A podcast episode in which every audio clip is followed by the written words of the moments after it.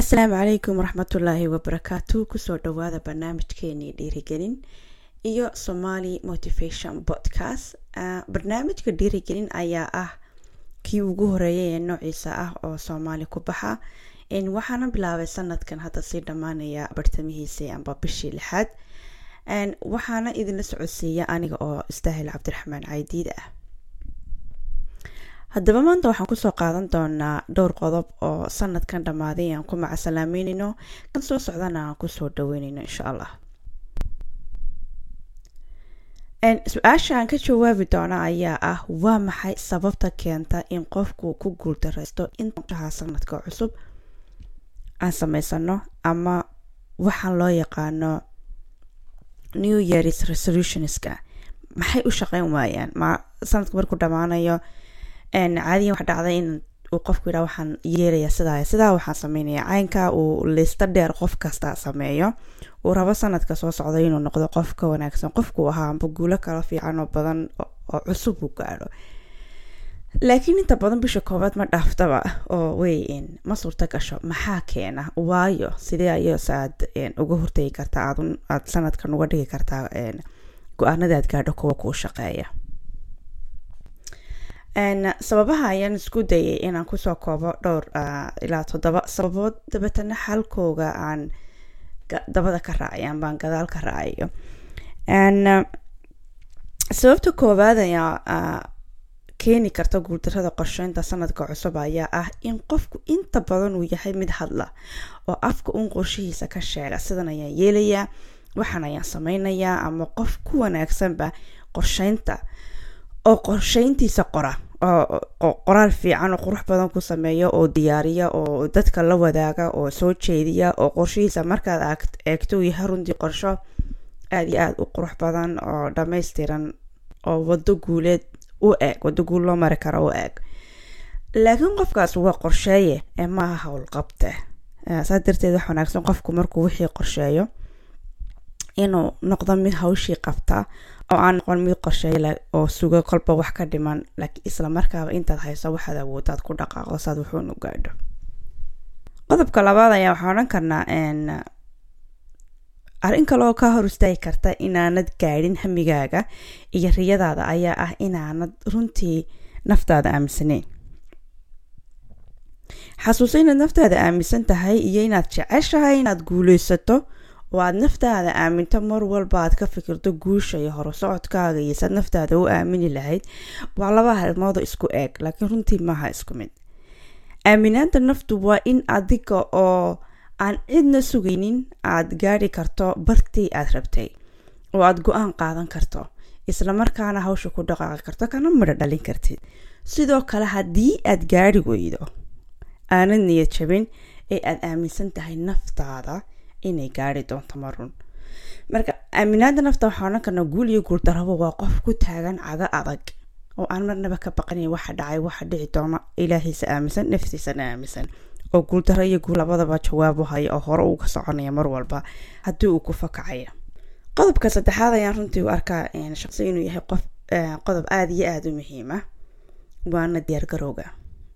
Diyaargarowgu waa hawsha barhkii meel kastoo aad rabto inaad gaadho intaanad hawsheeda ku kicin waa inaad tahay qof diyaar garoobay oo wax kastoo hawsha u baahan tahay ama riyadaada aad kaga rumainaad riyadaada kaga rumaysa aad u baahan tahay sii qabtay.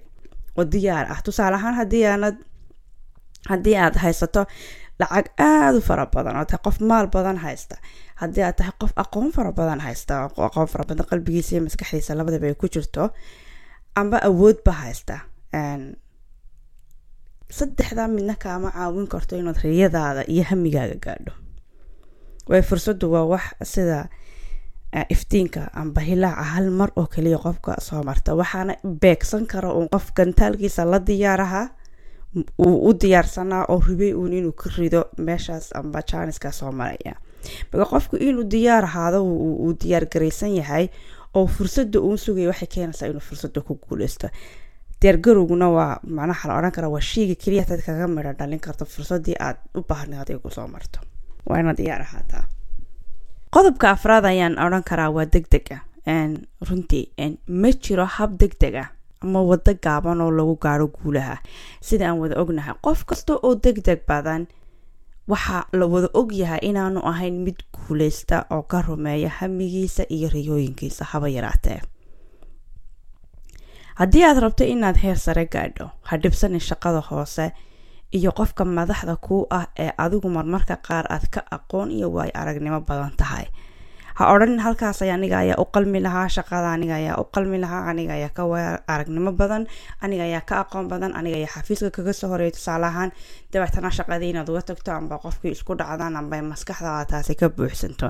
Naftaada inaad u sheegto weeyaan shaqadani waa shaqo aan u doortay si aan u maro hamigayga riyadayda iyo meeshii yoolkaygu ahaa. Wadda aan u sii maraya weeyaan. Inaad samir fara badan uu qofku la yimaado weeyaan.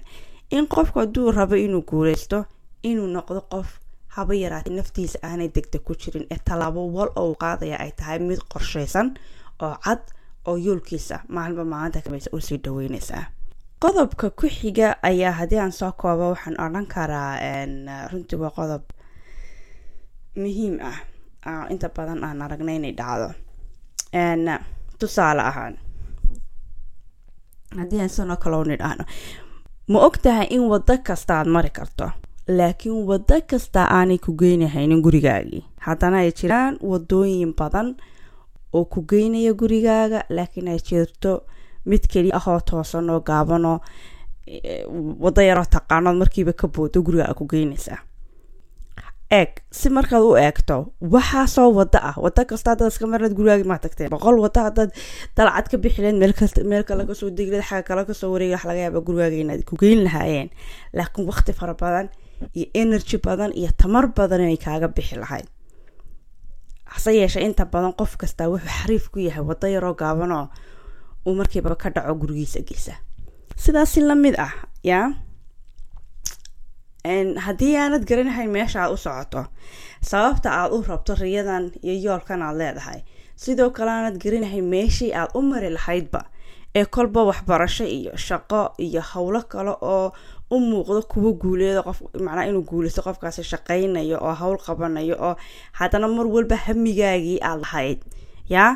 Aan ku geynahayn ee te wadooyinkii kolba aad ka soo warwareegaysay haddaad howlahaasoo dhan ku howlan tahay waxaad u muuqataa qof guuleystay laakiin xaqiiqatan qof guushiisa yoolkiisa gaari ma tahid marka waqtigu yaanu kaaga lumin si kolba aad wado dalcad uga baxayso oo aad leedahay yoolkaygan ku gaadhayaa eeg oo u fiirsay inay jirto wado banaan oo cad oo mareysa meel kuu muuqata. Halkaad kolba buur ka dhici lahayd bajira wado yaroo banaan oo dhulka hoose mareysa oo ku geynaysa meeshaadi uunad baahninba waxaanu hawla aad ku hawlantay inaad qabatid.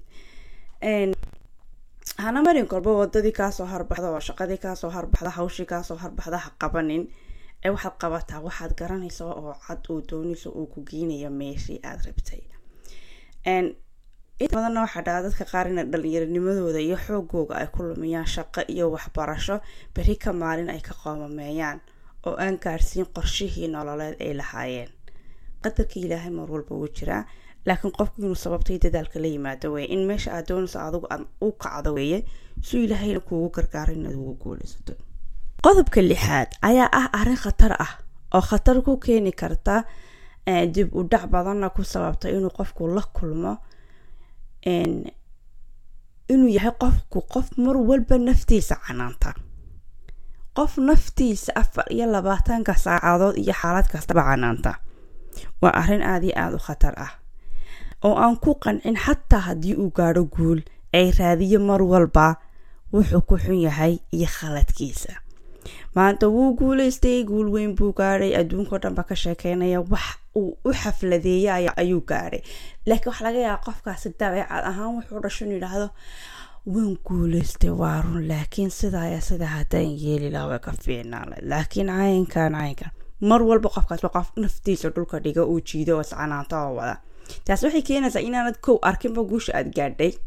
Laba aanad kuba qancin saddex marka aad meel gaadho ayaa meesha ku xigta looga sii socdaa laakiin haddaad meel walood gaadhaba dub uga noqonayso guushii aad gaadha gadaal uga noqoto odhanayso oh saasaa maan yeeli caynkaa caynkaa maan sameyn sidaa may noqon sidaasaa fiicna sidaa inanka yeelaa fiicnad oo tahay buu canaanta liista dheersita mar walba runtii hamigaaga ma gaadhaysid waayo hamigaaga adigaa mar walba stab hor dhiganaya stab aad isku canaananayso deetana dib ugu noqonayso haddii aad tahay qofka weligaa guul ma gaadhaysid xataa hadday dadku u arkaan inaad guuleysatay adiga ayaan isku arkin.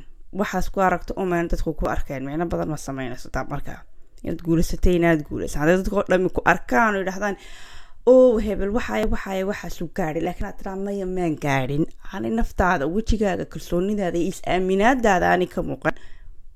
Wixii meeshay ka baxayaan. Arrin kale iyaduna arrintaas hoosgeli karto khatar ayaa ah inuu qofku isku dharariyo dadka kale ama inuu isku dharariyo qof kale guushiisa oo isbarbardhig ku sameeyo. Yaa waxaa dhici karta in uu hal wax oo keli ah ku guuleystay qofka aad isbarbardhigaysaa boqolaal shay oo kalaanba howloodna uu ku guul daraystay. Se adigu waxaad arkaysaa xabadaa keli ah ama shaygaa keliya qofkaas ku guuleystay dabeetana waad niyad jabasa waxaad ku arkaysaa qof aan guuleysan oo qeyr qeyrkii ka hadhay laakiin qeyrkaas barbardhigaysaa kun waxbuu ku guul daraystay hal shaybuu ku guuleystay halkaas shaybaad ayaad adigu leydh cad ku haysa ayaad eegaysaa boqolaalkii shayaad ku guuleysatayna naftaada waad canaananaysaa hoos baad u dhigaysaa ma muuqato taasina waxay keenaysaa inaad ku noolaato nolol frustration oo macnaha qeyrkay baan ka hadhay oo ah kelmadda inta badan la isticmaalo runtii oo kelmad aada u culus ah qofka qalbigiisa iyo dhiirigelintiisa hoos u dhigi kartaa tusaale ahaan arrimaha khatarta qofka ku haya maskixiyan haddii uu qofku noocan yahay ayaa waxaa ka mid ah social mediaha. Haddii aada isha ku hayso deedna aada isku aragtay inaad adigu dambayso. Dadku ay guuleysteen nolol fiican ku nool yihiin aad tiraa adigu uunbaa qeyrkaa ka hadhay dadkii ka hadhay ogow yaa qofna ma soo dhigayo? Halkan foolxumadiisa sawirkiisa qalqalooca. Fiideo iska duubi maayo markuu murugeysan yahay iyo mar kale oo waanu ka raali ahaynba. Laakiin waa shaandho soo bandhigaysa inta quruxda badan ee noloshooda. Sidaa darteed adigu naftaada noqo mid ku kalsoon guushiisana arka oo ku farxa naftiisa hambalyeeya islamarkaana ku hamiyey uun qofka aada rabto inaad noqoto. Waayo qofka aad ahaan jirtay iyo qofka aad tahay midna muhiim maaha. Ciddaad isbarbardhiga rabta inaad ku samaysoad u baahanta waxweyaan kumaan ahaa shalay kumaan ahay maanta kumaan rabaa inaad noqdo beritoole qofka aad doonaysa inaad beri noqoto ayaad focos garaynaysaa kaas ayaad dhisaysaa. Kaa ayaa sawirka jeclaan lahayd inaad u ekaato ayaad u dhaqmaysaa sameynaysaa yeelaysaa sidiisii. Dee kadibna qofkiibaad noqonaysaa. Qodobka u dambeeya aanan isleeya runtii waa muhiim ayaa ah sanadku markuu sii dhamaayo cusubna uu soo gelayo inaad qaadato go'aan aada u weyn oo culus. Oo ka dheer meeshii aad markaas taagneyd sida tusaale ahaa inaad tidhaahdo sanadkan waxaan baranayaa luuqad cusub. Luuqad cusub oonan hore u aqoonin. Sanadkan dhammaanba waxaan ka takhalusaya caadooyinka xunxun ee waqtiga iyo caafimaadkaygaba u daran. Tani waa guuldaro cad sababtoo ah maxay guuldaro cad ku waxaad yacni waxaad qaadatay go'aano waaweyn qofna ma boodi karo oo kama boodi karo masaafad intaa leg macnaha qofkaad ahayd iyo meeshaad doonaysa inaad noqotid. Luqad intaad barato ku hadasho dhameyso macnaha suurtagal ma aha. Tam si kale haddii loo dhigo waxa weya qaado go'aanaad kaga rumayn karto. Laakiin ha qaadan go'aan weyn oo suurtagal ahayno kadibna markaad ku guuldareysato naftaadi aad u aragto mid sanad walba go'aan ku qaato ku guuldareysanaya waayo qofku ma boodi karo saan horeba u sheegnay masaafad deer markeliyaatana guushuna waxay ku timaada aada yar aada yar iyo joogtay aada aada yar iyo joogtay waa furaha guusha. Qof kastoo raba inuu guul gaadho iyo hawl adag inuu qofku hard waking yahay uu si adag ugu shaqeeya saa darteed waxaan odhan karaa sanadkan inuu noqdo mid aad dhammaan howlahaas aadayar aada yar bilowdo adigoon midnaba dhammaanteed wada qaban. Si uu dhamaado kadibna sanadkan tusaale ahaanba uu dhamaado laakiin uu noqdo mid aada bilowday howlihii kadibna sanadka ku-xiga uu noqdo mid riyooyinkaaga ka midho dhaliso oo maxsuulkii shaqadii ah sanadkan laba kun iyo labaatan aad qabatay uu kuu soo baxo. Taas baa guul ugu dhow. Haddii kale sanad walba waxaad noqonaysaa qof bilaabay laakiin aan dhamaystirin oo sanadba sanad u dhiibo miyaanay ka fiicneen sanadka inuu noqdo sanad danahaaga bilowda qorshayso aadir aadir aad tallaabsato kadibna sanadka dambe aad howlahaagii meel mariso halkii sanadka intaad hawl weyn isku walbabacdo kadibna bisha koowaad dhamaadkeeda baad isdhiibi lahayd dabeetana sanadkao dhamasaa kugu dhaafla kadibna sanadkao dhan iscanaanana halkii kamiislaadka ku xigaa waxaa dhaanta adigoo aadyar bilaaba wax yar qabta aadyar ku tallaabsada in yar qabta dabeetana sanadka dambe xawaaro dheer kadibna sanadka dambe xawaaro dheer ku socda oo wixii kaga rumeeya.